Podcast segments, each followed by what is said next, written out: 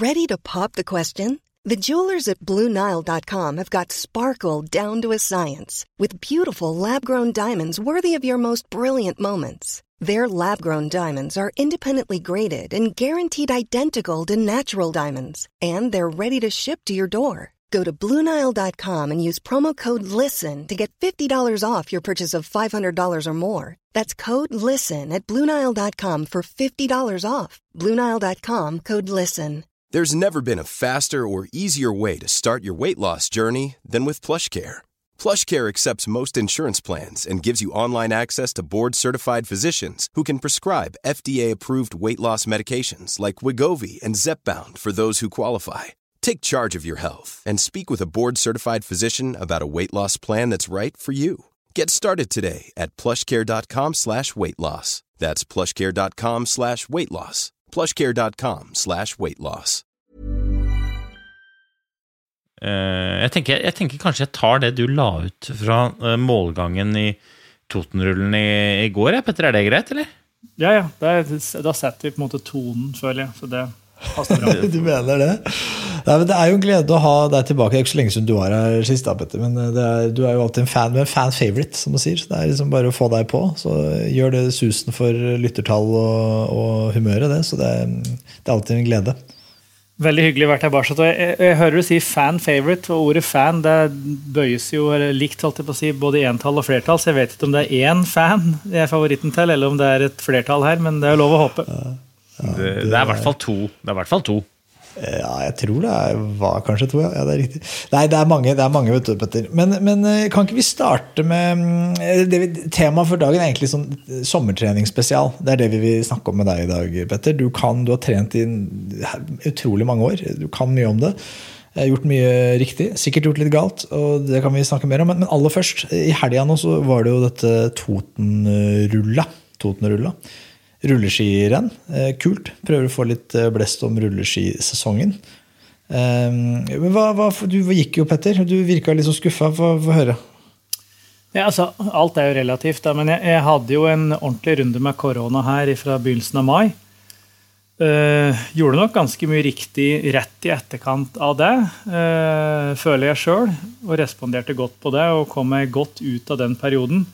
Og så er det vel nå, da den siste uka, jeg på en måte har prøvd å trappe opp med litt tøffere trening da, eh, i forbindelse med den Totenrullen eh, som vi gikk da nå i, i, går, som det på en måte kjente at kroppen ikke er helt klar for det ennå. Og det endelige beviset fikk jeg vel da egentlig i sjølve Totenrullen, da, der jeg går et egentlig ganske dårlig rulleskirenn, men, men, det er vel resultatet i seg sjøl er ikke så dårlig tatt i betraktning og høy puls jeg hadde hele veien. For jeg ligger jo da en sånn eh, Jeg vil nesten si eh, 15-20 slag høyere i puls gjennom hele rulleskirennet enn jeg da normalt sett burde. da. Jeg husker jo så på pulsklokka bare etter en sånn 500-600 eh, meter, bare for å se at pulsen slo inn. da, og Allerede da var jeg oppe i sone tre, og da hadde vi gått slak, eh, slakt utfor bare gjennom et par rundkjøringer. Så tenkte jeg at ja vel, dette her blir en lang dag på jobb. Og det ble det. Altså, no, noen ganger så har man jo høy puls fordi at man har ekstremt overskudd òg, og er veldig sånn gira.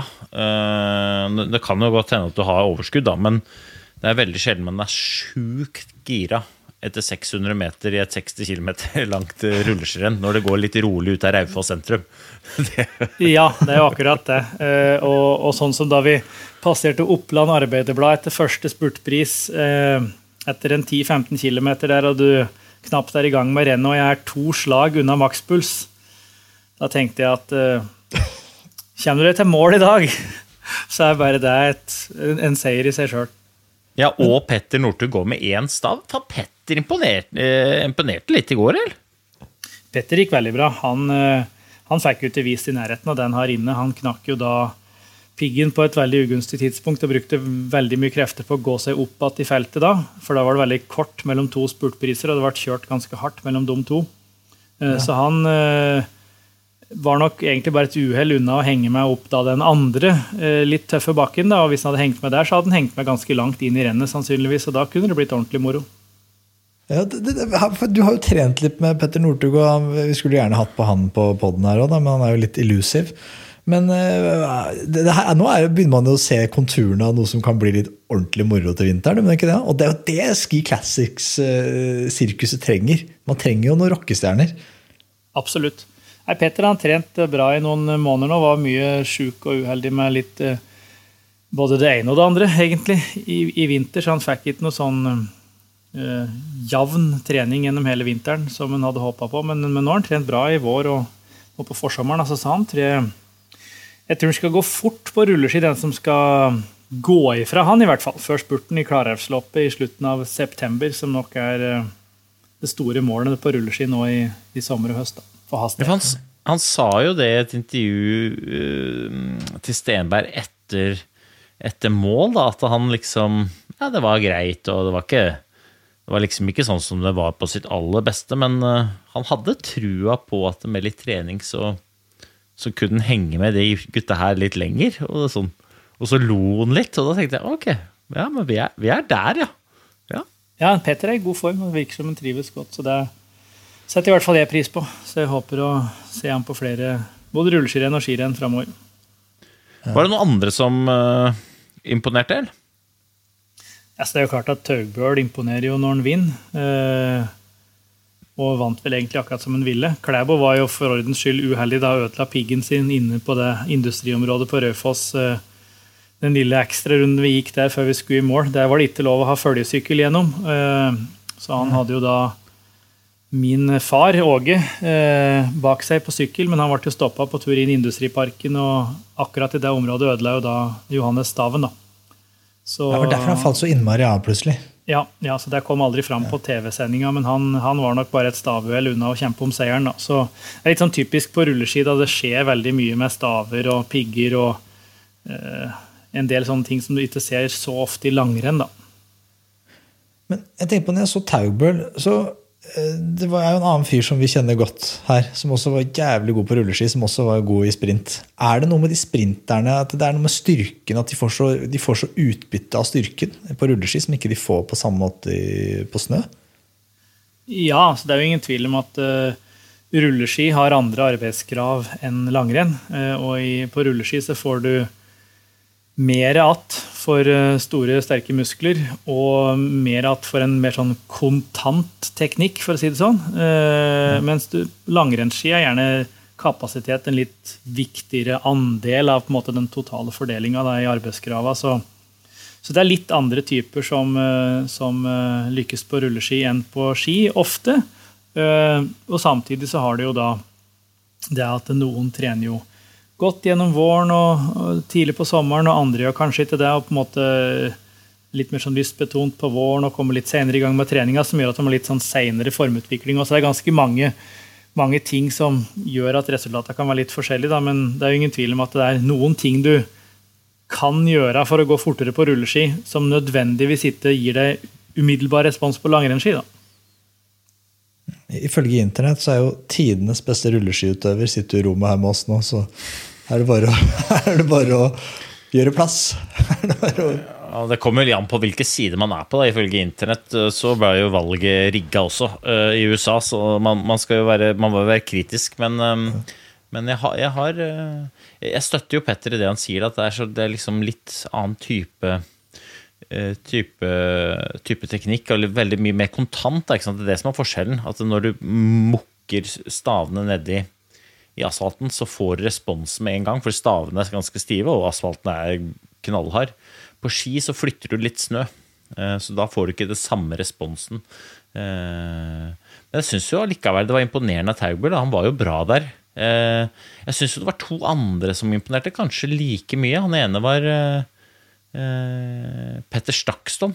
Petter Stakston han er en del av det nye team, eh, teamet til Bjørn Dæhlie og Aker. Da. Det kan vi jo prate kanskje litt om, men um, han syns jeg imponerte. Jeg har aldri sett at han har levert på det nivået der på, på rulleski. Og så syns jeg at Martin Løvstrøm Nye imponerte. Dæven, han gikk fort fra rulleskianlegget i Karidalen og til han blei tatt igjen. Da da, da sveier litt krutt. Altså. Hadde det ikke vært for den ene slake nedoverbakken hvor de kunne sitte i tog, da, eller sånn German bobsleg Det er da eh, German bobsleigh det er da en teknikk du bruker når du kjører nedover i gruppe på rulleski. Og det, det, det lærte jeg av Aksel Teichmann, det uttrykket. Eh, det var en av de første eh, toppidrettsvekene som noen gang har blitt arrangert. Da gikk vi da fra et sted som heter Kyrksæterøra og opp til eh, mot retning Aure, opp til noe som heter Brekka. Fra andre siden av det de går nå. Og så var det Anne Sjødegren og Mathias Fredriksson, tror jeg det var, som stakk i brudd med en gang.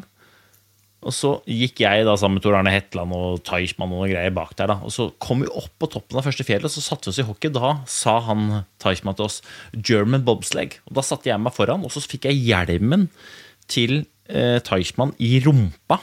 Og så bare satt alle sammen i med rumpa, hadde hjelmen i rumpa på han foran, holdt i stavene. Og det heter da German bobsleigh, og det så jeg at det liksom Det er jo blitt en sånn en øh, klassiker, det nå. German bobsleigh ropes det, ikke sant, så er alle vet hva det betyr, da. Og, og, sånn så jeg at de kjørte da nedover, og da tok de igjen så mye at øh, Løvstrøm Nyeng og, og, og Klæbo ble tatt igjen. Da. Men dæven, hadde det ikke vært for den ene bakken, så tror jeg faktisk at Nyeng hadde kommet av gårde. Hva tror du, Petter? Nei, altså det, det stemmer nok. Det er, jeg, jeg, har ikke sett rennet, da, for jeg slet jo da med makspuls eh, litt baki der. Eh, så akkurat dette har ikke jeg sett, da. Men, eh, men, det er ingen tvil om at hvis du tror det er en fordel å komme bakfra på langrennsski, så stemmer det Øystein sier der, at hvis en får mange nok kilo i en noenlunde lik fasong nedover en sånn bakke, så tar den jo veldig veldig, veldig mye tid på rulleski. da, og det er der. Så det er egentlig litt sånn annen idrett Eh, det er veldig veldig nært beslekta langrenn. Men det er også en del tekniske ting du kan gjøre i både skøyting og klassisk som ikke fungerer på snø. da. Eh, ja, til dels faktisk umulig å gjennomføre på snø. Som gjør at du kan på rulleski på en måte bli en sånn spesialist da, og hente ut litt ekstra. Og så må man på en måte stille seg sjøl spørsmålet skal du da trene rulleski for å gå fort på rulleski, eller skal du trene rulleski for å gå fort på langrennsski. Og da må du kanskje tilpasse trening og kanskje særlig da teknikk eh, og utførelse litt av det òg, da. Kan ikke vi kan snakke mer om rulleski kanskje når vi snakker sommertrening, men en, ei annen som jeg må nevne her, er jo Astrid Øyre Slind. Altså, er, er, ikke hun helt sinnssykt imponerende? Altså, Bør ikke man passe seg litt i de, de, de som går i normal verdenscup også, når man ser de greiene der? Jo, jeg mener jo og det kan jeg si både som skiløper og som såkalt ekspert, at jeg mener Astrid Øyre Slind er en av verdens beste kvinnelige skiløpere. Uavhengig av eh, på en måte, hva du måler det i. Ja, hun vinner nok ikke 15 fri i verdenscupen til vinteren, men hun går jo rett ifra eh, Frida Karlsson på Totenrullen, Vasaloppet, Birken allikevel. Så det kommer jo an på hva du måler det i, men at hun er en av de best trente damene i langrennssirkuset og en av de damene som er nærmest de best trente herra innenfor sin spesifikke gren, det er det ingen tvil om. Eh, akkurat som Jonna Sundling er veldig nærme herra i sprint. Eh, vil ikke nødvendigvis vinne distanserenna, så er også Jonas Sundling en av verdens mm. beste kvinnelige langrennsløpere. Så Astrid, sjøl om hun gikk med tohjul, eh, og vi gutta gikk med trehjul, og det er en vesentlig forskjell på de to tinga, så gikk hun veldig, veldig fort på, på Totenrullen og på mange skirenn i vinter der vi da hadde tilnærma likt utstyr. Så, så hun, er, eh, hun, er, rett og slett rå. Mm. Før vi helt slipper å begynne å Du nevnte det laget. Vi må snakke bare kort om det. Det nye laget til Aker. Aker det er de, er det det? Jeg vet ikke hvem som har fått navnet først? er Det ikke det? Aker, det heter vel Team, Team, Beyond, er det det heter, Skinstad? Skinsa? Ja, de bruker jo, bruker jo det litt i markedsføringa, men jeg tror vel Aker Dæhlie er en grei arbeidstittel her. Eh, det er jo da Dæhlie som i, har gått ut av eh, landslaget, som nå går inn på en slags konkurrent eller partner til eh, langrennslandslaget, som de sa. De er et lag for både allround, langløp og også eh, paralympiske øvelser. da. Ja, for Det som er litt interessant med det laget, er at det er det første laget som går ut og sier at de er bare et eh, langrennslag og har folk som konkurrerer i alle grener. Fra para til langløp via uh, Norgescup, Scancup og forhåpentligvis også uh, verdenscup. Da, gjennom at de har jo i hvert fall to løpere som på sine aller beste dager uh, er i nærheten av å kunne snuse på en plass. Da. Gunnulfsen er jo innmari god. Og det er, litt, det er, jo litt spennende. Det er litt sånn det er, det er nok litt i din ånd, tror jeg, da, Hans Olav, i forhold til dette. Det er liksom et, et, det, Om det er et lite steg i retning av din drøm eller ikke, det vet jeg ikke, men det er nok det er nok i hvert fall i, i, i de tenker nok i de banene selv, litt, grann, tror jeg. Jeg vet ikke om du er uenig i det, Petter, men jeg, jeg syns det var litt spennende at de turte å, å, å, gjøre det sånn. Og så sier de jo selv også at de ikke har lyst til å være en konkurrent til, men har lyst til å samarbeide med landslagene. Og det er ganske spennende. Og i kjølvannet av det så var det jo et par uh, linjer skrevet av uh, en VG kommentator hvor det var, var, liksom, var, var, litt fokus på dette. da, At det liksom hadde ikke vært for den smøretraileren og de reglene rundt verdenscup, så eh, er en litt usikker på hvor sterk landslagsmodellen hadde vært. da, Men ja. Eh, man skal vel være forsiktig med å lage storm ut av noen ringer i et lite vannglass, men eh, jeg syns det var spennende. Jeg er helt enig med deg. Jeg syns det er veldig veldig spennende. og jeg, jeg har tenkt litt på dette her etter eh, vår forrige runde med podding. og ja, vel egentlig eh, si, Den konklusjonen jeg landa på akkurat nå, eh, enn så lenge, eh, forutsatt at FIS fortsatt sitter på rettighetene til verdenscup, VM og til dels OL da, i, i, samarbeid med IOC, så tror jeg nok den, det, det, mest realistiske sånn på kort sikt tror jeg kan være at landslaget, sånn som vi kjenner i dag, opphører å eksistere og går over i en mer sånn organisatorisk rolle knyttet til uttak og tilrettelegging knytta til verdenscup, VM og OL. At de kanskje har en en finger med i spillet og tilbyr en form for eh, koordinering og tilrettelegging gjennom sommerhalvåret. Men at utøvere trener og hører til sine egne lag, som jo egentlig er den modellen du kjenner fra nesten alle andre idretter i hele verden. Altså, du, det, det, her liker jeg veldig godt. Du, du, tenker nederlandsk sykkelsport. Der hører de jo til da profesjonelle lag eh, gjennom sommerhalvåret, og så går de inn i landslagssystemet i forbindelse med konkurransesesong. Det er jo egentlig det samme som de gjør i fotball. altså Erling Braut Haaland skal nå spille på Manchester City. Har jo hele tida dialog med Ståle Solbakken og også det medisinske apparatet i Norges Fotballforbund og landslaget der. Og så går han inn da i landslagssystemet når det skal spilles Nations League EM-kvalifisering og forhåpentligvis EM og også VM da, i framtida. Så jeg tror nok på kort sikt så er nok det altså det, er den, altså det, er ikke bare den, eneste realistiske utfallet ved siden av dagens landslagsmodell. Det er faktisk det. Altså for, men hvis det da kommer noen og virkelig bretter opp erma og lager en kulere, råere, bedre betalt og mer attraktiv verdenscup, da beveger vi oss jo over på sånn som sykkel, der UCI på en måte bare er en ren organisator. Og så har du ASO, ikke sant, som arrangerer eh, Tour de France, de arrangerer jo da Arctic Race, og så kommer på en måte Collen-familia og blir da eh, på en måte da Amstel Gold Race, og så har du da Lahti-spelen, som da er på en måte Flandern rundt, osv., osv. Men, men da, må, da, da må på en måte Eh, private aktører ta over for FIS og nasjonale forbund som arrangør av verdenscup. Og så Kanskje ender det da opp med at det bare er VM FIS på en måte sjøl arrangerer. da. Men Det er nok mye lenger fram i tid. da. Men, men, jeg tror nok det er ganske eh, Når de kuker det til såpass mye for seg sjøl i Skiforbundet og for det, det, er det viktige aspektet her, du, du trenger jo ikke lenger å reise verden rundt for å få trent godt som langrennsløper. Og du trenger heller ikke være på landslaget for å få trent med andre gode langrennsløpere og for å ha gode trenere og for å ha godt apparat. Det er så mange ressurser sant, rundt omkring. Altså, nå er det rulleskiløype, og rulleskimølle og kunstanlegg i Tromsø. Du har gode trenere, og du har Olympiatoppen også i Tromsø. Du har det samme i Trondheim, du har det samme på Lillehammer, du har det samme i, i Oslo, ikke minst. Eh, så det, det, legges mer og mer til rette for at du som langrennsløper kan være mer og mer hjemme. Og da ser vi nok kanskje i en retning av at det da er eh, privatlag som på sett og vis kan ende opp med å ta over treningsarbeidet. Da. Eh, eller at Norges Skiforbund bretter opp erma, endrer dagens landslagsmodell og går over da, til en sånn modell i de baner som jeg har foreslått, med at du har regionale treningstilbud der du er og der du bor. Da.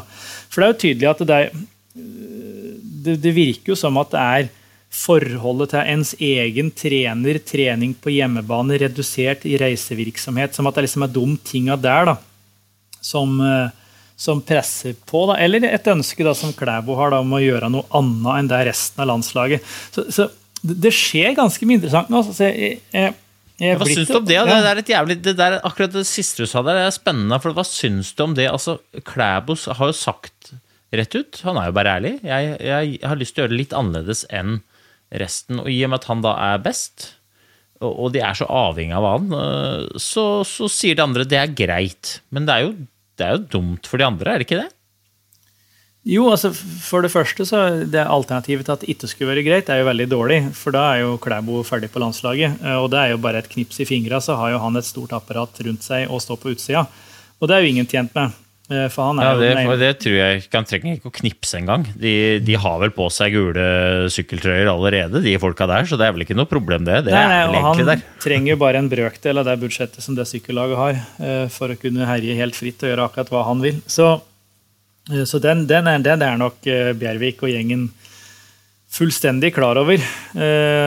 Så jeg, jeg, jeg, tror nok det er den eneste løsningen akkurat nå for å holde han på, på landslaget. Og, og, for å på en måte nyttiggjøre seg de midlene og den oppmerksomheten han bidrar med. Men, men ja, er, er, det, da sånn at han er med på et lag han egentlig ikke har lyst til å være på?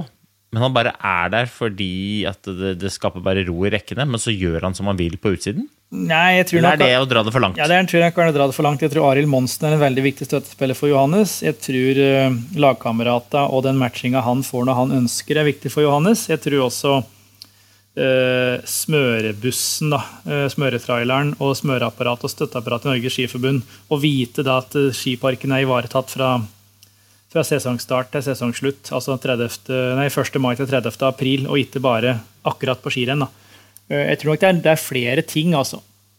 Eh, for den mm. nest beste sprinteren i verden heter jo tross alt Erik Valnes. Eh, og det er ikke så dumt å ha han i nærheten, for å si det sånn. Men det jeg skulle ønske, da, var jo at Arild Monsen og resten av sprintgutta pakka bagen og skiposen og kom seg til høgden sammen med Klæbo. Ja. Det er det som jeg mener er den det er det som jeg mener er den reelle, faktiske løsningen her. da, At de må slutte å late som at de vet bedre enn alle andre, og så komme seg på samling. Hvorfor, hvorfor, har man gått bort ifra det høyde? For det blir veldig detaljer her, da, men jeg har skjønt det som at landslaget har bestemt at eh, inn mot eh, neste mesterskapet så skal det ikke være så mye i høyden.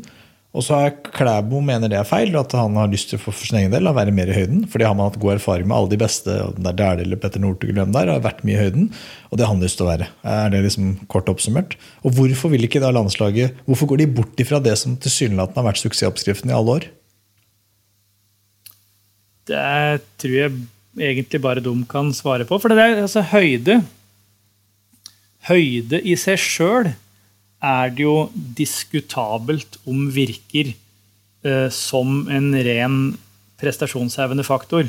Det har ingen tvil om at det virker altså med tanke på akklimatisering. Hvis du ønsker å prestere i høgden, så må du trene i høgden, og du må forberede deg i høgden. Men akkurat det å trene i høgden, om det i seg sjøl gjør deg til en bedre skiløper, løper, svømmer, syklist Det er det krevende å finne forskning som sier at dette virker. Men det jeg derimot tror at alle trenere og forskere og til dels også utøvere vil si seg enig i, hvis de er ærlige med seg sjøl, at faktisk virker, det tror jeg er tre ganger tre uker i løpet av sommeren og høsten uten koner eller ektemenn, uten barn eller foreldre eller bikkjer eller barnehager eller sponsorer eller møter eller hva det måtte være. Det tror jeg fungerer ekstremt bra.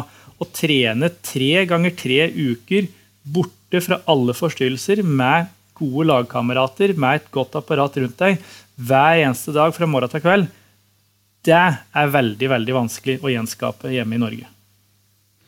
Ja, der, um, der pirker du borti et uh, punkt som i hvert fall jeg kan si at jeg ikke var villig til å ofre. Men jeg, tror, jeg, jeg er enig med deg. Jeg valgte jo Jeg hadde den muligheten, men jeg valgte å ikke gjøre det. Ikke bare når jeg hadde familie, men uh, også før. Men jeg, jeg, eh, kjenner jo folk som gjorde det, og som gjorde det med hell. Det, er et annet spørsmål, da. Liksom, nå som Petter eh, For det første går bedre med Petter, heldigvis. eh, Det gleder mitt hjerte. Eh, Men, men nå som han er så inne igjen i langrennsfamilien og er liksom ja, Han er i, den, i det gjenget at han trener godt, da. Tror du at Skiforbundet kommer til å ringe til Petter og spørre om Petter har lyst til å bidra inn, om så bare på det mentale eller med erfaringene sine? Eller tror du at det ikke skjer? Eh, Nei, så lenge han har den rollen han har, så tror jeg ikke det kommer til å skje, nei.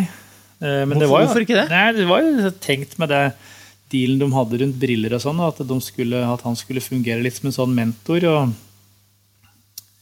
Jeg er litt usikker. Nå sitter jo jeg da ca. én meter unna Ullevål, da, der kontorene til Norges Skiforbund er. Og jeg tror vel kanskje at de innafor de veggene jeg ser til venstre for meg her, tror de dessverre har litt for mange svar enn de kanskje har. da.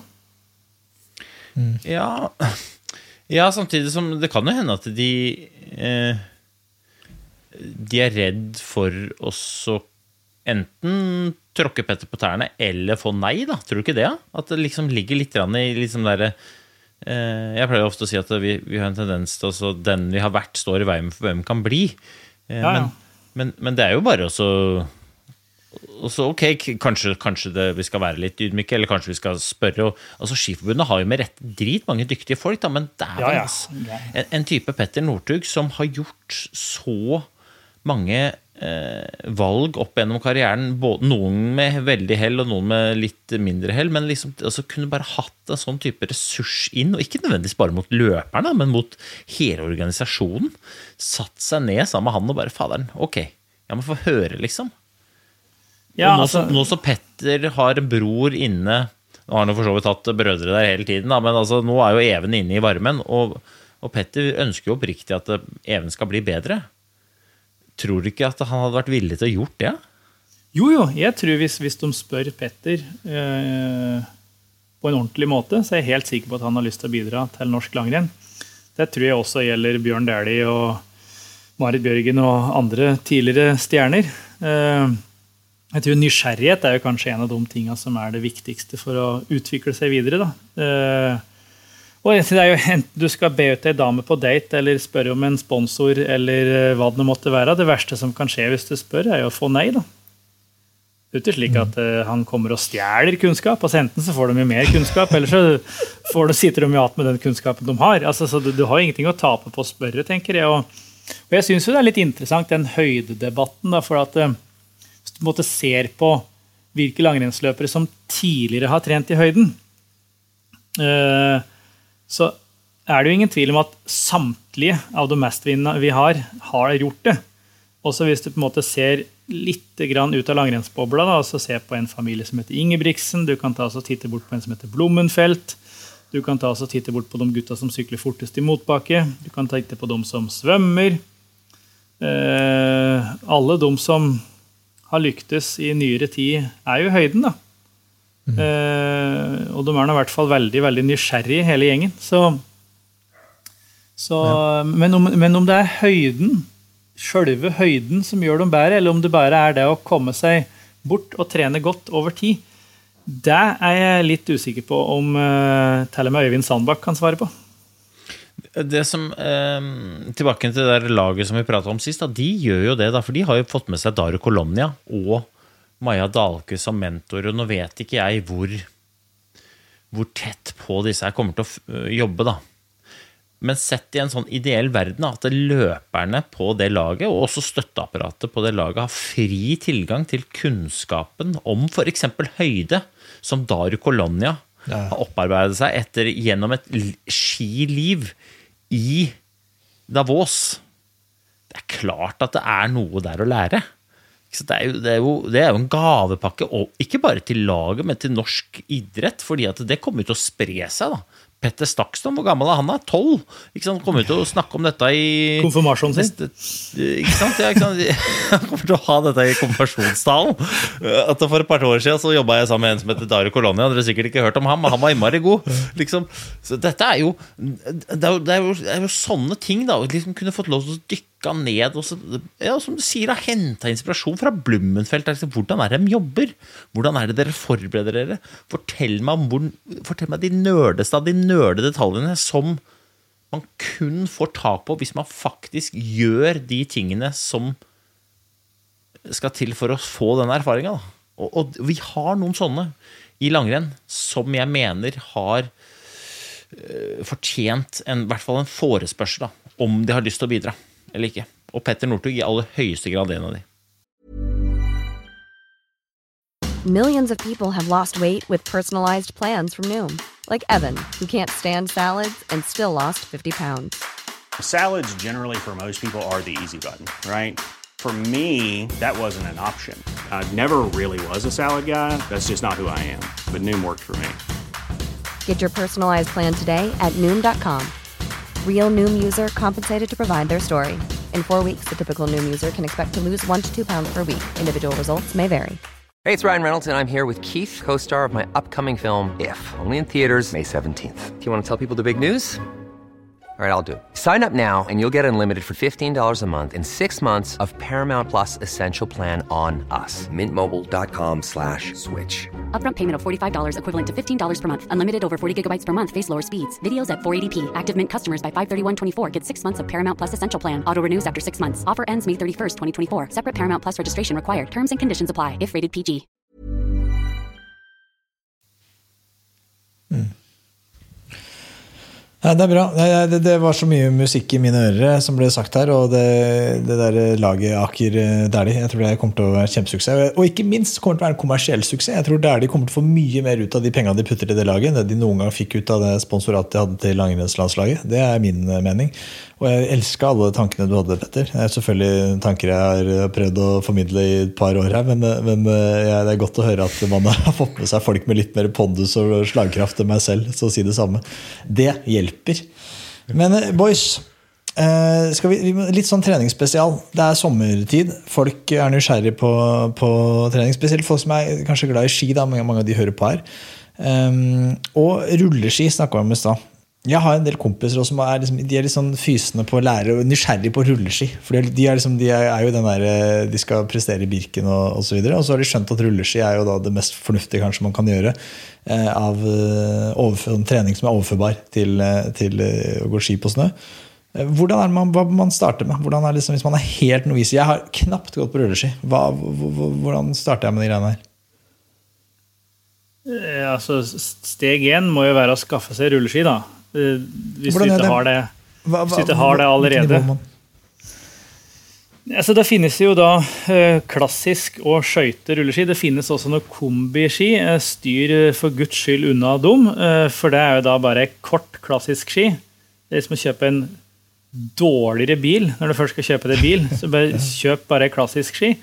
Det gjør samme nytta. er akkurat like dårlig å skøyte på som, som kombiskia. Men altså, det finnes jo eh, Nå har jo jeg litt avtaler her og litt der, så jeg skal prate veldig generelt. Kjøp rulleski fra etablerte, kjente merker. Eh, da vet du at du får en stamme som er solid og noenlunde rett. Du får gafler eh, som er satt på noenlunde rett. Du får bindingshøl som er bora på fabrikk, som gjør at bindingen sitter på noenlunde rett. Og du får sannsynligvis hjul og gummi og sånne ting som holder en akseptabel kvalitet. For dette her er et verktøy. Du skal ut kanskje i høy fart, kanskje blant andre folk, kanskje blant annen trafikk. Og da er du avhengig av at utstyret er, er bra. Så kjøp deg ordentlig rulleski. Bruk heller en tusenlapp mer på det enn å kjøpe noe som enten er gammelt og slitt, eller å kjøpe noe fra et merke du aldri har hørt om. Eh, så så må du ha skisko. Da Da funker de samme skiskoa som du bruker på vinteren. Eh, hvis du stort sett skal stake, og uansett må kjøpe deg nye sko, så kan du vurdere å kjøpe da en kombisko, da, eh, som da er mjuk i tåa, men som har litt støtte opp etter ankla. Eh, det fungerer også fint å stake med på vinteren. Eh, og så må du jo ha staver, da, hvis du ikke har noen staver allerede fra vinteren, og du kanskje tenker å kjøpe nye skistaver til vinteren, da kan du bruke rulleskistaver. Ellers så finnes det jo da Det vil jeg på generelt grunnlag, særlig hvis du er fersk, anbefale å kjøpe litt billigere staver da, til å gå på rulleski. For sjansen at du sparker av staven i løpet av den første uken, er til stede, så styr unna toppmodeller, enten det måtte være fra Swix, Leki eller KV+. Altså, alle de her har litt billigere modeller som er mer enn gode nok til å lære seg å gå på rulleski. Ja, skal ikke staven også være litt grann kortere, eller er det bare at Nei, motsatt. Det her er jo Nei, det var dette- lenger, selvfølgelig. blir- Ja, for det skier, ja. ja. Ja, dette, men dette er jo liksom på, dette er på elitenivå, da. Men uh, i, når du står i et klassisk spor på vinteren, så står du nede under bakken, og stavpiggen treffer bakken over bakken, egentlig. For at du står jo under bakken. Ja. Mens når du står på en rulleski, så står du jo fem centimeter over bakken. Så staven treffer bakken. Men du står fem centimeter, så egentlig så er jo staven på snø hakket høyere enn på rulleski hvis dere bruker de samme stavene. Ja. Så egentlig burde du ha litt høyere stav, men det her er ikke noe som mosjonisten trenger å tenke på. Nei, også, det, det, også det er gitt at det er fast ha- føre. ikke sant? Så det er, ja. ja. Det, det mosjonisten må tenke på, er at de har rulleskipigger. For hvis ikke så har du skipigger første tolv meterne, og så har du ikke pigger de neste tolv meterne, og de tolv meterne de, de, på den andre, det er på vei hjem igjen. Så det er bare å Du må kjøpe rulleskipigger. Eh, det er veldig mye enklere nå å bytte til rulleskipigger, for nå har de fleste sånn slags skrusystem, enn det var før. Altså før Det er litt artig da, for da limte vi jo på rulleskipiggen. Og da enten så bøyde du piggen, eller så var du uheldig, og så knakk du piggen. Og da måtte du stoppe biler. Og så be dem om å ruse motoren, og så stappa du staven inn i eksospotta, så du fikk varma opp limet. Og så hadde du med deg en tang, Nei. og så dro du av Nei! Det er sant. Jo, jo, det er sant. Og så dro du på, og så satte du på ny, og så banka du videre. Dette er, altså, det er, og da skal du faen meg ha Det er nok grunnen til at jeg er ganske, blir oppfattet som ganske jovial. Det er fordi at jeg har brukket så mange pigger i Oslo og fått skumle mennesker til å gå med på at jeg stikker en stav inn i potta på deg, mens du sitter og ruser. Ja, det er, det er, det, dette er helt sant. det er helt sant, Og jeg har, jeg har faktisk fått lurt meg inn i en enebolig på Toten hos en gammel mann som drev og kokte poteter og fikk lagt staven oppi kokende vannet hans. For å få av staven for intervall. Så det, det har skjedd. Det er det største framskrittet på langrennsfronten må faktisk være at vi har fått rulleskipigger du kan skru av og på. Altså. For det som var poenget mitt var, Når du skal kjøpe deg rulleskipigger, kjøp to par. Så har du det andre paret liggende i drikkebeltet. For du kommer til å knekke en rulleskipigg. Eh, ikke nødvendigvis av å gå, det skal ganske mye til. Men hvis det, den står i bakken, og du sparker borti piggen, og den får en sideveis kraft, da knekker de ganske lett. Det er det som skjer i rulleskirennet. ikke sant? Når de går tett på hverandre, så setter du stavene, og så idet du staker bakover, så da blir jo stavene blir jo stående der hvor du satte dem. Du triller framover. Han eller hun som kommer bak, de triller framover, men staven din står der hvor de triller framover, så treffer du piggen, og så har du brukket en pigg. God jul. Er ikke det andre problemet? Jeg, jeg, jeg har prøvd rulleski litt. Grann, og jeg, jeg synes det var, altså, nummer én, jeg synes det var livsfarlig. Jeg følte meg ikke trygg på noe som helst vis. Og så var det nummer to. Det mest irriterende er jo at de der piggene de blir sløve. Så du mister liksom Jeg, jeg skrapte bare. Jeg bare var skrapt i asfalten, følte jeg. Er det også, Du må jo file piggen hele tiden, er ikke det? Altså? ikke, nå, det, Petter Soling Skinstad la akkurat ut en video på hvordan man gjør det der. Og der er altså Det er superenkelt. Du kjøper en sånn liten sånn diamantbryne, eller du kan bruke en- Det er litt forskjellige ting du kan bruke. Du kan, kan bruke et spesialverktøy, eller du kan bare bruke en helt vanlig sånn sliper. Men da bare sliper du den litt, og så holder du den spiss. Og da skal jeg si dere et supertriks, folkens. fordi at hvis du gjør det der når du kommer hjem fra tur, så har du alltid gode pigger når du drar ut. Istedenfor at du må gjøre det før du drar ut, for da blir det litt sånn styr eller underveis etter at du i 40 minutter har irritert over runde pigger. Bare, når jeg satsa, da Det begynner jo å bli, det var jo omtrent når det var dinosaurer på, på jorda, men da, da gjorde jeg det alltid når jeg var ferdig med turen. Liksom bare, det, tar deg, det tar deg 15 sekunder. Så visste jeg at det er sylskarpe pigger Øystein er rundt. Øystein er jo typen som smør matpakke til unga kvelden før. ikke sant? Så, så hvis du er sånn som meg da, og spiser frokost i bilen på vei til trening, så kan du kjøpe en sånn lita fil som er så lita at det passer i drikkebeltet. Så har du den der sammen med uh, pigga. Så hvis du da, hvis du da i den første drikkebøssa Faen, så slem- slemme pigger jeg har. Så kan du da uh, gjøre det da også. Det, det, det, det er flere veier til rom. Uh, Øystein sin er absolutt å foretrekke. Men hvis du er litt mer sånn eh, på halv tolv innimellom, så ha med deg fil. Også det som er med meg, Hans Olav, at jeg har ikke drikke med meg på turene. En, eh, jeg, hvis jeg har, så har jeg drikkesekk, så jeg trenger ikke å stoppe. Og to, jeg går så kort nå at jeg trenger ikke drikke. Men, men en annen ting som jeg, jeg var inne på der, som jeg, som jeg husker jeg tenkte på, og som gjør at liksom ikke jeg jeg, jeg, jeg, klarer meg uten rulleski. Men det, det er fordi det, jeg, jeg, følte meg ikke trygg. da altså, Å gå i altså, alle, altså, Utforbakker så er det sånn du må bare, Her må jeg bare håpe på at det flater ut på et tidspunkt. Og hvis ikke, så er det grøfta. Uh, og det er liksom, den det er, følelsen hver gang du går litt utfor det, det bare, Jeg likte det ikke. Jeg, jeg, trenger nei, det ikke. Det her handler jo om å bli, det handler om å bli trygg da, på, på rulleskiene. Jeg pleier å si det at ikke start på den verdens mest trafikkerte vei eh, med mye nedoverbakker og svinger og tjo. Start liksom, Nå skal du snart flytte til Lillestrøm, da.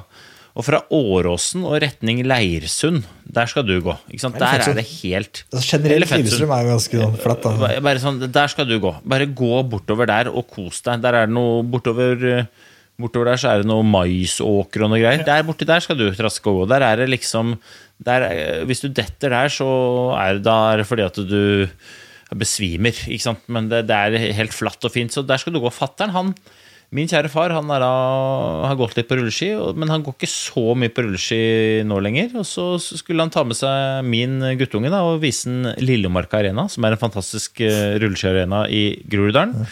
Og det endte opp med et godt, gammeldags eh, skrubbsår type brann. Eh, og det har væska nå i tre uker. Og hver eneste natt så våkner han av at han har grodd fast i lakenet og snur seg rundt, og lakenet røsker av halve rumpa hans. og ja, så har han det gående ja, jeg, et par uker til. Nei, ja, det, Dette er jo greit å unngå. så Jeg, jeg holder jo litt rulleskikurs. da. Uh, og vi begynner, Det er sikkert kjedelig for noen, men vi begynner samtlige rulleskikurs med å lære bremsing. Uh, nødbremsing. Manøvrering på rulleski. Og også det som er veldig veldig viktig på rulleski, som er også et nyttig teknikktips den såkalte grunnposisjonen. Eh, så jeg ser Øystein har fingeren i været. Eh, ja, jeg bare lurte på, Hva er forskjellen på bremsing og nødbremsing? Er det at eh, er bremsing liksom når du kan, og nødbremsing når du må? Helt riktig. Veldig godt oppsummert. For at problemet med, problemet med rulleski er jo da at du har ikke bremser. Altså du har ingen måte du har, egentlig, du har en måte å bremse, men du har ingen måte å bråbremse på. Så hvis du tar grunnposisjonen først, for det er litt viktig Klassisk rulleski er kun klassiske dersom du har sperre på som regel bakhjula. da. Såkalt ratchet wheel, som det heter på engelsk. Det fant jeg ut da vi hadde interaktivt engelsk rulleskikurs her. Men, men den gjør da at rulleskia går jo ikke bakover. Så hvis du mister balansen, så er det naturlig å dra foten under seg for å gjenvinne balansen. Men på rulleski så vil jo da skyve skia enda lenger fram, og du havner på ryggen. ikke sant? Yes. Og Derfor er grunnposisjon veldig viktig på rulleski. Det er sånn at du alltid har vekta på tåballen og litt svikt i kneet og alltid er litt på vei framover uh, i alt du gjør. For ellers så havner du fort på ryggen. Uh, og det er jo litt og det er jo det skjer, jo, det skjer jo titt og ofte. Altså, du ser en gjeng voksne mennesker som står på rekke og rad, og så plutselig så er det to stykker som bare tjekk, ja. detter bakover fordi at de står og lekser liksom, og kikker på skyene. Da. Og så da ligger du der og, og har fått slått halebeinet. Nei, nei, nei, nei, nei det, det, kan du bare drite i. Det kommer ikke frampå igjen da. Er du bakpå, så er du bakpå. Da sklir hjula fram, og du bak. God tur. Og jo hardere du prøver å hente deg inn, jo hardere detter på ryggen. Altså det er på en måte sånn, Du får ikke gjort noe med det. Eh, men, så Det er det første vi lærer, åssen du skal stå på skia. Det andre vi lærer, er da å bremse, som da er en slags eh, V-formasjon. Altså du ploger. Eh, da vil jeg på generelt grunnlag anbefale alle å prøve å få også framhjula ganske langt fra hverandre, så du ikke står i en Du står på en måte ikke i en gammeldags motsatt V-stil, sånn som Espen Bredesen hopper. Du hopper mer sånn Roar Jøkelsø, litt sånn bredere med bakskia. Ja. Og så vil jeg anbefale alle å ha flate hjul. altså Du skyver på en måte hjula flatt utover framfor å vinkle. For Hvis du vinkler hjula, og kommer på kanten på hjulet, så blir det veldig liten kontaktflate. Og da, og da, er det lite å bremse på. så Hvis du på en måte tar ut litt bevegelse i ankla, sånn at skia står flat, og du skyver ei flat ski utover, da har du mer kontroll når du bremser. Og nødbrems, da, Øystein, bare for å ta det. Jeg ser du sitter og lurer fælt på hva en nødbrems er. Er det noe jeg ikke har lært her? Er det noe jeg burde hatt med i verktøykassa mi?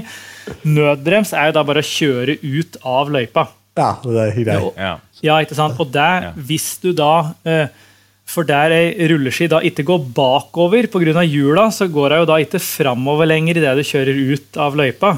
Eh, Så da øver vi det på at du skal kjøre ut på grusen, ut på gresset, ut på barken, hva nå det måtte være i området der.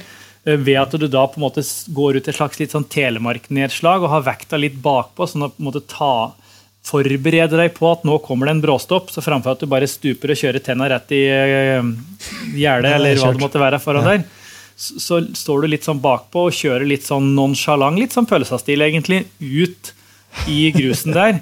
Og liksom bare og, og jogge litt sånn lett av og liksom Hei, hei, jeg hadde kontroll. Den barnevogna skulle jeg kjøre på. Ja, og, og det som er viktig i nødbremsen, eller for det første så øh, En god regel kan nok være å, å tenke at man skal alltid sette seg i situasjoner hvor man unngår nødbrems. Eh, Det er liksom, det er nok en Det vil jo jeg Det vil være pølsas gylne regel. Men no, hvis som at dersom at du havner i en sånn situasjon, så sørg for å ha, ski, ha føttene Den ene foten litt foran den andre, og len deg på baksida. Sånn at du på en måte surfer litt. Da står du, og så sklir du litt framover. Så får du Hvis du har skiene parallelt, så er det veldig mye mer eh, sårbar for at skiene stopper, og du stuper framover. Så her handler det, det handler om å liksom stå i en litt sånn Telemark-Lasse Ottesen-stil og suse av gårde, da. Eh, og, og, og noe annet som kan være Dette merker jeg er en veldig dårlig inngang på å få folk til å gå på rulleski, men litt noe av det spennende med rulleski på sommeren er jo at ofte så er det jo litt sånn veiarbeid på disse gangveiene. Og noen steder da så legger de ut grus. Og det er nok noen av lytterne som skjønner hva jeg mener når dere kommer kjørende, og så ser du liksom at du har liksom fire meter med liksom grov singel foran deg. Du har 40 km i timen, og så er det sånn Ok, um, små hjul, eh, stor singel, det, det lukter jo krevende. Da, da må du velge, da. Enten så må du ta en nødbrems, eller så må du hoppe. Eller så må du bare satse på at hjula går, og da er det jo noen som har prøvd det uten å lykkes spesielt godt. Og da får du den derre Du kjører ut i singel, og fra rulleskitur så er det plutselig over i Jakob Ingebrigtsen-stilen. Men du har staver og aluminium hekta fast til føttene. Det er, det er stort sett oppskriften på veldig artig syn for de som ser, og noen heftige skrubbsår for den som er ute og øver.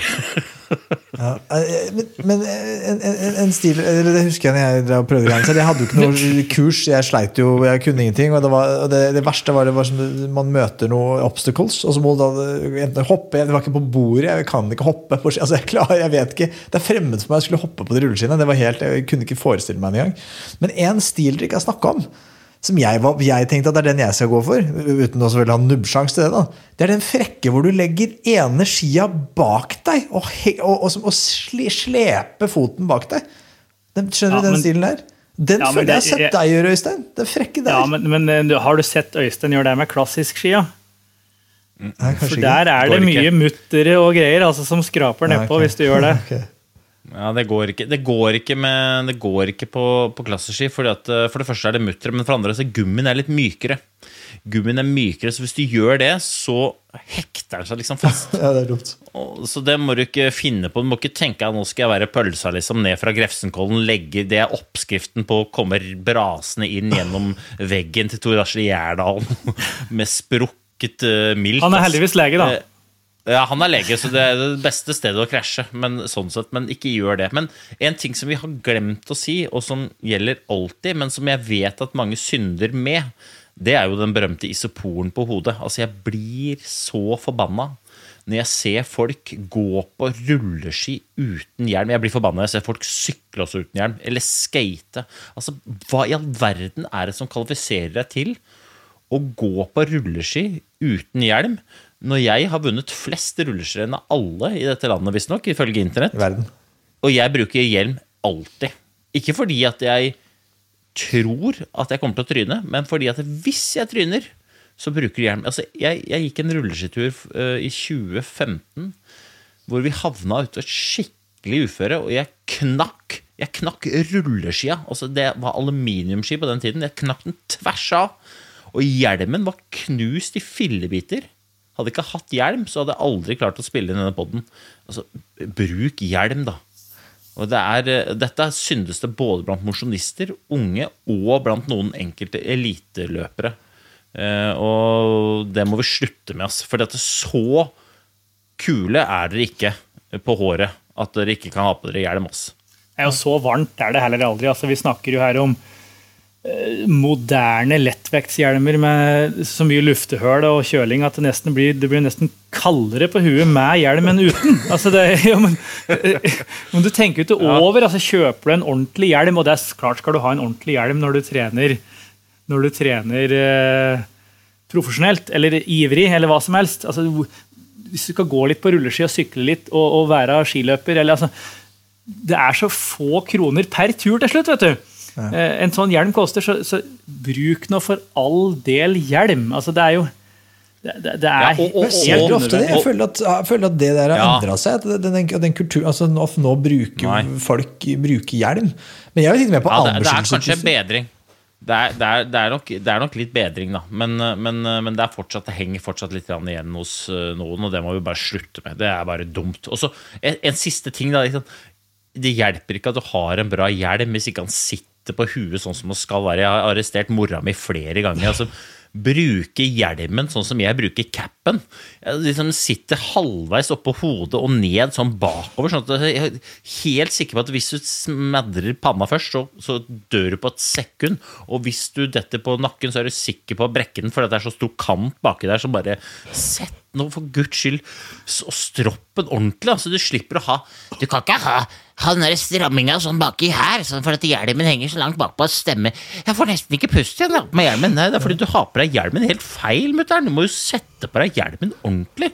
Det der går jo ikke. Du kan ikke gå rundt, se ut som du har uh, halv pris på alt av, av tjenester. Nå må du ta på deg hjelmen ordentlig, og så går dette helt fint. Jeg så en veldig fin sånn Instagram-bilde på dette der, det sto at eh, du kan ikke komme ut en hjerneskade. Og det er jo litt sånn, altså Hjelmsveis det tåler vi, den kan du ordne altså med litt hårvoks og en litt dags og en kam der, så skal du alltids få orden på hjelmsveisen. Men hjerneskaden, den eh, Da må det hardere lut til. Altså. Så jeg tror vi skal bruke Ja. hjelm. Store og små. Nå- Proffer og amatører. vi skal ikke reklamere for hårvoksen til eh, Klæbo, men jeg vet jo at han har jo perfekt sveis under lua når han tar av seg lua etter 46 km på femmila. Så eh, han har sikkert et eller annet Bare ring, eh, og ikke Klæbo, for han er jo så opptatt sikkert, men ring Ola, da. Eller ring eh, far, eller ring noen som kjenner Johannes. Så jeg er helt sikker på at de har altså svaret på hvordan du kan få Klæbo-sveis under hjelmen. Det er jo ja. Ja, Det kan godt hende at det er vondt da, å ta på seg hjelmen med Klæbo-sveisen, for det er nok ganske stivt. Men det får bare Ekstra beskyttelse også, da. for det, absolutt. Det kan absolutt. være det de tenker, at den, den Klæbo-voksen er så, så moderne og så tett og tight at den danner en slags usynlig hjelm. da, Men jeg, jeg, jeg tror ikke det. Keiserens nye hjelm, er det det du sier? dessverre. Men dere, før vi lar deg løpe, Petter, det begynner jo å røyne på her. Eh, Covid. Du har hatt covid. Jeg, jeg har en far nå som fikk covid for første gang. Altså, det er jo, det er jo, han er jo sent på trenden, da. Men, men eh, Jeg vet Skal han gratulere nå, eller åssen er jeg, det? jeg, vet, jeg vet ikke, det er, fall, det er ikke noe kult lenger. Nå jeg det, det var en periode hvor det var utrolig pinlig å ha covid. Så ble det litt kult. liksom, Faen, bra jobba, du bidrar. Og nå er det bare litt sånn ja, Ikke plag oss, liksom. Ikke, hvorfor er du her, liksom? Hva driver du med? Er det litt som Gameboy? Jeg, skjønner ikke helt lignelsen. Nei, det er gammelt, bare. Ok, ja, det var gammelt, ja. ja. Ja, jeg, er enig, jeg er enig i forhold det du sa der. Da. Han sa at det er et veldig godt poeng det at uh, i starten så var det sånn Du, din sviker, har fått korona. Ah, vasker du deg ikke på hendene? Ah, tungekysser du med uteliggere? Altså, det var på en måte sånn gris på en måte i starten der. Og så når mange nok fikk det, så var det sånn «Å, Har du ikke fått korona? Har du ingen venner? Er har du ikke jobb? Er du ikke ute blant folk? Altså, så det, det er artig sånn massesuggesjon, åssen folk bare tilpasser virkeligheten, åssen det passer dem sjøl best. da. Det er, det er jo sånn. Og nå, men nå har vi kommet til vi kommet over stadiet av likegyldighet, føler jeg. da. Men en ting som jeg mener er ganske relevant for folk, da, det er, det er den der treninga tilbake. fordi selv om man nå har, for- forhåpentligvis er alle vaksinert, og, så, og da er det, liksom- man får ikke noen voldsomme varige men, men, men det er jo mange som sliter med, ettervirkningene og sånn der long covid. og Martin Sundby er ikke han han har slitt, og du sier du sliter. Hva, hvordan angrep du det der? Nei, altså Nå er jeg litt usikker på om han som da gikk to timer i sone tre til fem i går, er mannen til å uttale seg om hva som er smart å gjøre etter covid. Men, men jeg har kanskje gjort en feil da, som enkelte andre kan unngå å, å, å gå i. og det, det som jeg tror jeg gjorde riktig, var at da jeg ble sjuk, så aksepterte jeg at jeg var sjuk, og så bare kutta jeg alt. Uh, og så var jeg så heldig at jeg tilfeldigvis skulle på ferie akkurat når jeg hadde blitt så frisk at jeg kunne reise på ferie, men ikke så frisk at jeg kunne trene. Så Ja. da fikk jeg en ti-tolv dager i, i, i Libanon, da, av alle plasser, men, men i varmere strøk og i, i omgivelser som gjorde at det var veldig enkelt ikke å bry seg om trening. Eh, Så jeg tror jeg gjorde det veldig lurt i å én, bli helt frisk, og så gi kroppen tid til å hente seg inn i ettertid. Det tror jeg var so far, so good. Eh, Så der vil jeg anbefale alle å ta seg god tid før de begynner med fysisk aktivitet, til du er helt sikker på at du faktisk er ordentlig frisk. Eh, Og så gjorde jeg også noe som jeg tror var ganske så riktig, og det var at jeg trappa opp treninga veldig forsiktig. Altså jeg trente sånn tre kvarter til halvannen time eh, i innledningsfasen der, som er lite da, til meg å være. Mm. Så så for folk flest er kanskje en kvarter, halvtime framfor en time. Eh, Å ta seg tid til å på en måte vende kroppen til fysisk aktivitet. Det gjorde jeg også en åtte-ti dager, og det tror jeg var riktig. Og så fungerte det veldig bra å gå over til mer eh, tilnærma normalt volum på trening. Eh, på lav intensitet. Det fungerte også veldig bra med helt kontrollerte intervaller. Mens jeg nå den siste uka egentlig her, da, da jeg prøvde meg på en litt lengre I3-intervall, eh, og jeg prøvde meg på en sånn terskeltest eh, på mølla, veldig kontrollert, rett i etterkant. Og nå særlig da når jeg skulle pushe med maks for første gang på, på egentlig halvannen måned eh, på Totenrullen, så kjente jeg at ah, her er det fortsatt noe rusk i maskineriet. Og, og særlig når det går oppover og pulsen og hjertet jobber godt, eh, så kjenner jeg at her er ikke ting helt sånn som det skal. Så, så rådet vil vel være akseptere at du er sjuk, bli frisk før du gjenopptar noen form for aktivitet, og så bruk lang, lang, lang tid med mye rolig og fin trening, enten det er lange sykkelturer, eller det er gåturer i fjellet, eller det er lorig løpetur, eller hva det måtte være. Det er også veldig god trening. Så ikke stress med å komme i gang med løp eller med intervalløkter i sone 4-5. Bare ta seg god tid.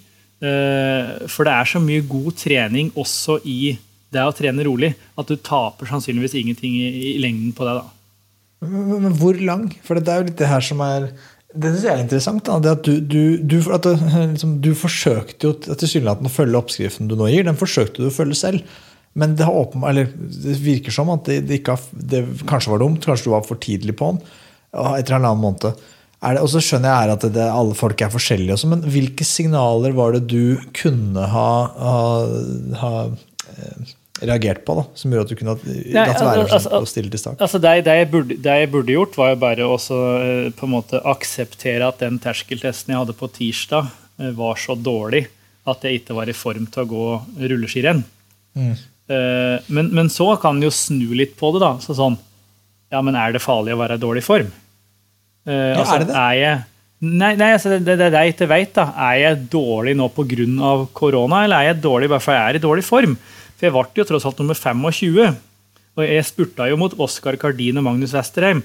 Så, så det var på en måte sånn Så dårlig var det jo ikke, men jeg hadde bare unaturlig høy puls eh, i, i forhold til innsatsen.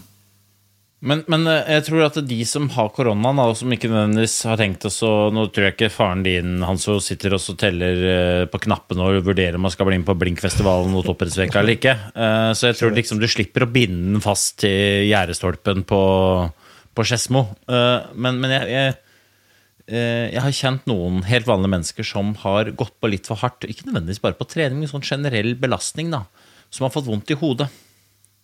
Eh, Og som har fått liksom den long coviden har satt seg som en sånn litt sånn utmattelsesfølelse. Og eh, å kalle det migrene vet jeg ikke. Og jeg har, jeg har kun eh, bare personlige relasjoner og, og erfaring med dette. Ikke noe, ikke noe vitenskapelig bevis. Men flere jeg hører om som sier at de er slitne og har vondt i huet. Og det er gode signaler. da. Eh, liksom, kroppen forteller deg jo om det er for mye eller for lite. Og Jeg sier ikke at du skal bli en pingle, men jeg sier at du skal lytte til kroppen. Og hvis kroppen sier til deg at det er for mye, så er det for mye. Uh, uansett uh, ambisjonsnivået ditt, så er det for mye. Så da må du, da må du lytte til kroppen. Og, og, det kan ta Hos meg, jeg merka ikke at jeg hadde det, og banka på videre. Mens hos andre så tar det lang tid. Og jeg vet at eh, du, du nevnte jo Martin. Han har hatt ordentlig vondt i huet. Ja. Og, og jeg har en, eh, en fyr i min omgangskrets også som er, han er sjukmeldt nå. Mm. Han, hadde to, han har fått to uker sjukmelding pga. long covid, eh, pga. vondt i hodet. Det er vanskelig. Ja, det skal sies da, jeg, jeg hadde ingen sånne kroppslige signaler på at det var noe i veien med meg, annet enn høyere puls på motbakketrening enn øh, jeg normalt sett ville hatt, eller kanskje skulle ønske jeg hadde. Det er, for det, det er jo det er jo det er ikke sikkert jeg bærer heller, ikke sant, akkurat nå. Så det, det er sånn, litt sånn vanskelig, da, men på generelt grunnlag, som Øystein sier, lytt til kroppen, og så ta heller ei uke eller to ekstra for å være på sikre sida. Altså. Det er eh, det er eh, sentrumsløpet neste år, og det er Oslo Maraton neste år, og det er eh, Trondheim-Oslo, eller hva det måtte være folk trener mot. Det, kommer flere Det har allerede vært. Så det er ikke noe problem. Nei, så det, det, Det var nå Ja. Det var nå i helga. Så det er, hvis du trener i Trondheim-Oslo, så har du et år på deg. For å si det sånn. Ja. Ta Har, har, har du eh, sykla livet Trondheim-Oslo. Petter? Du har sykla Trondheim-Oslo mange ganger, du, Øystein. Mange ganger har jeg ikke, men eh, jeg kunne nok uh, ha sykla tre ganger på den tiden jeg brukte på å sykle de to. Hvis jeg hadde sykla aleine. Nei, det, det sa jeg ikke. Nei, jeg har sykla to ganger. Drita gøy. Kanskje vi skal gjøre det. Ja, Um, da, vi har med Petter, da, da kommer jeg til å ligge bak. Bare, jeg kommer ikke til å ta noe vinn. Null vind. Men altså, vi snakker jo om, vi snakker jo om eh, Team Aker og vi snakker om Tiden Dæhlie, og- men vi tre er jo alle venner av Coop, og kanskje vi skal tromme sammen et skikkelig Team Coop, finne på noe ordentlig sprell, gjøre noe drita gøy. Vi er jo tre blide gutter som kan skape masse liv og festivitas, både for de som er glad i sport, og for de som er glad i alt annet. Men kjør på, altså, ja, jeg er med på det. Herregud. Jeg, jeg er med på det. jeg, er, jeg er så redd for å sykle, altså. Jeg er så redd for å sykle. Ja, hvorfor Så, eh, nei, jeg må i hvert fall ligge bakerst hvis vi skal sykle. Du skal ikke ligge bakerst. Petter. Det, er jo, det skjønner du selv. At det Jo, går men ikke. jeg har sett sånn på sånn. Jeg, jeg ligger foran, tar vind. Han som ligger i midten, og blir dytta på. Han som ligger Ja, er. Det er Perfekt, er eh, perfekt opplegg. Ja, for, men det, det verste vet du, er at hvis en ser på sånn der drafting og sånn i sånn lagtempo-greier, det lønner seg til å ligge bakerst. Ok. Altså, I en gruppe på åtte så lønner det seg å ligge på sånn sjetteplass. Jo, jo, jo, men det, Eh, jeg tror hvis det er tre, så tror jeg det er bakerst er best. Altså, uten at her eh, Ja, Hvis det er tre, så er jeg enig, men, men de, de skryter jo av å ha opptil flere fans. Så hvis to-tre av dem blir med, da Så, så, så, da, så en to-tre av de fem som hører på dette her, hvis de blir med, Så har vi så da har vi jo et lag. Da kan du ligge nest du, det- sist, så kan jeg ligge sist. Det, det verste er at hvis vi hadde lansert nå Faderen, vi tre sykler Trondheim-Oslo. Vi, trenger- vi trenger 15 lagkompiser. Jeg garanterer deg at folk hadde gått inn på Gram og sagt jeg joiner det. Det, det laget der, det joiner Men kan vi Og ikke, jeg kan vi ikke stille lag i Holmenkollstafett neste år enn han i stedet, da? Altså, Gjør noe Nei, litt mer Ikke overkommelig. Holmenkollstafett. Nei, vi må gjøre noe mye mer med verre. Vi løper Marathon de Sable. Vi løper, eller vi sykler Epic, eh, Swiss Epic Tour. Eh, Fem, fem, eh, fem etapper, eh, 18 000 høydemeter, eh, terrengsykling i Davos. Lenzerheide og St. Moritz. Vi må gi oss før dette Ja, vi gir oss. Men du, dette kommer dette til å bli gøy. moro. Jeg, men vi- no, Dette kommer til å bli- Jeg må få tak i en sykkel, jeg skjønner. Ja, jeg, Jeg har ikke det. Fremtiden er lys. Fremtiden er lys for noen, ikke for oss. Alltid en fryd, boys. Vi snakkes, da. Pass på dere sjøl. Vi snakkes. Hei, hei.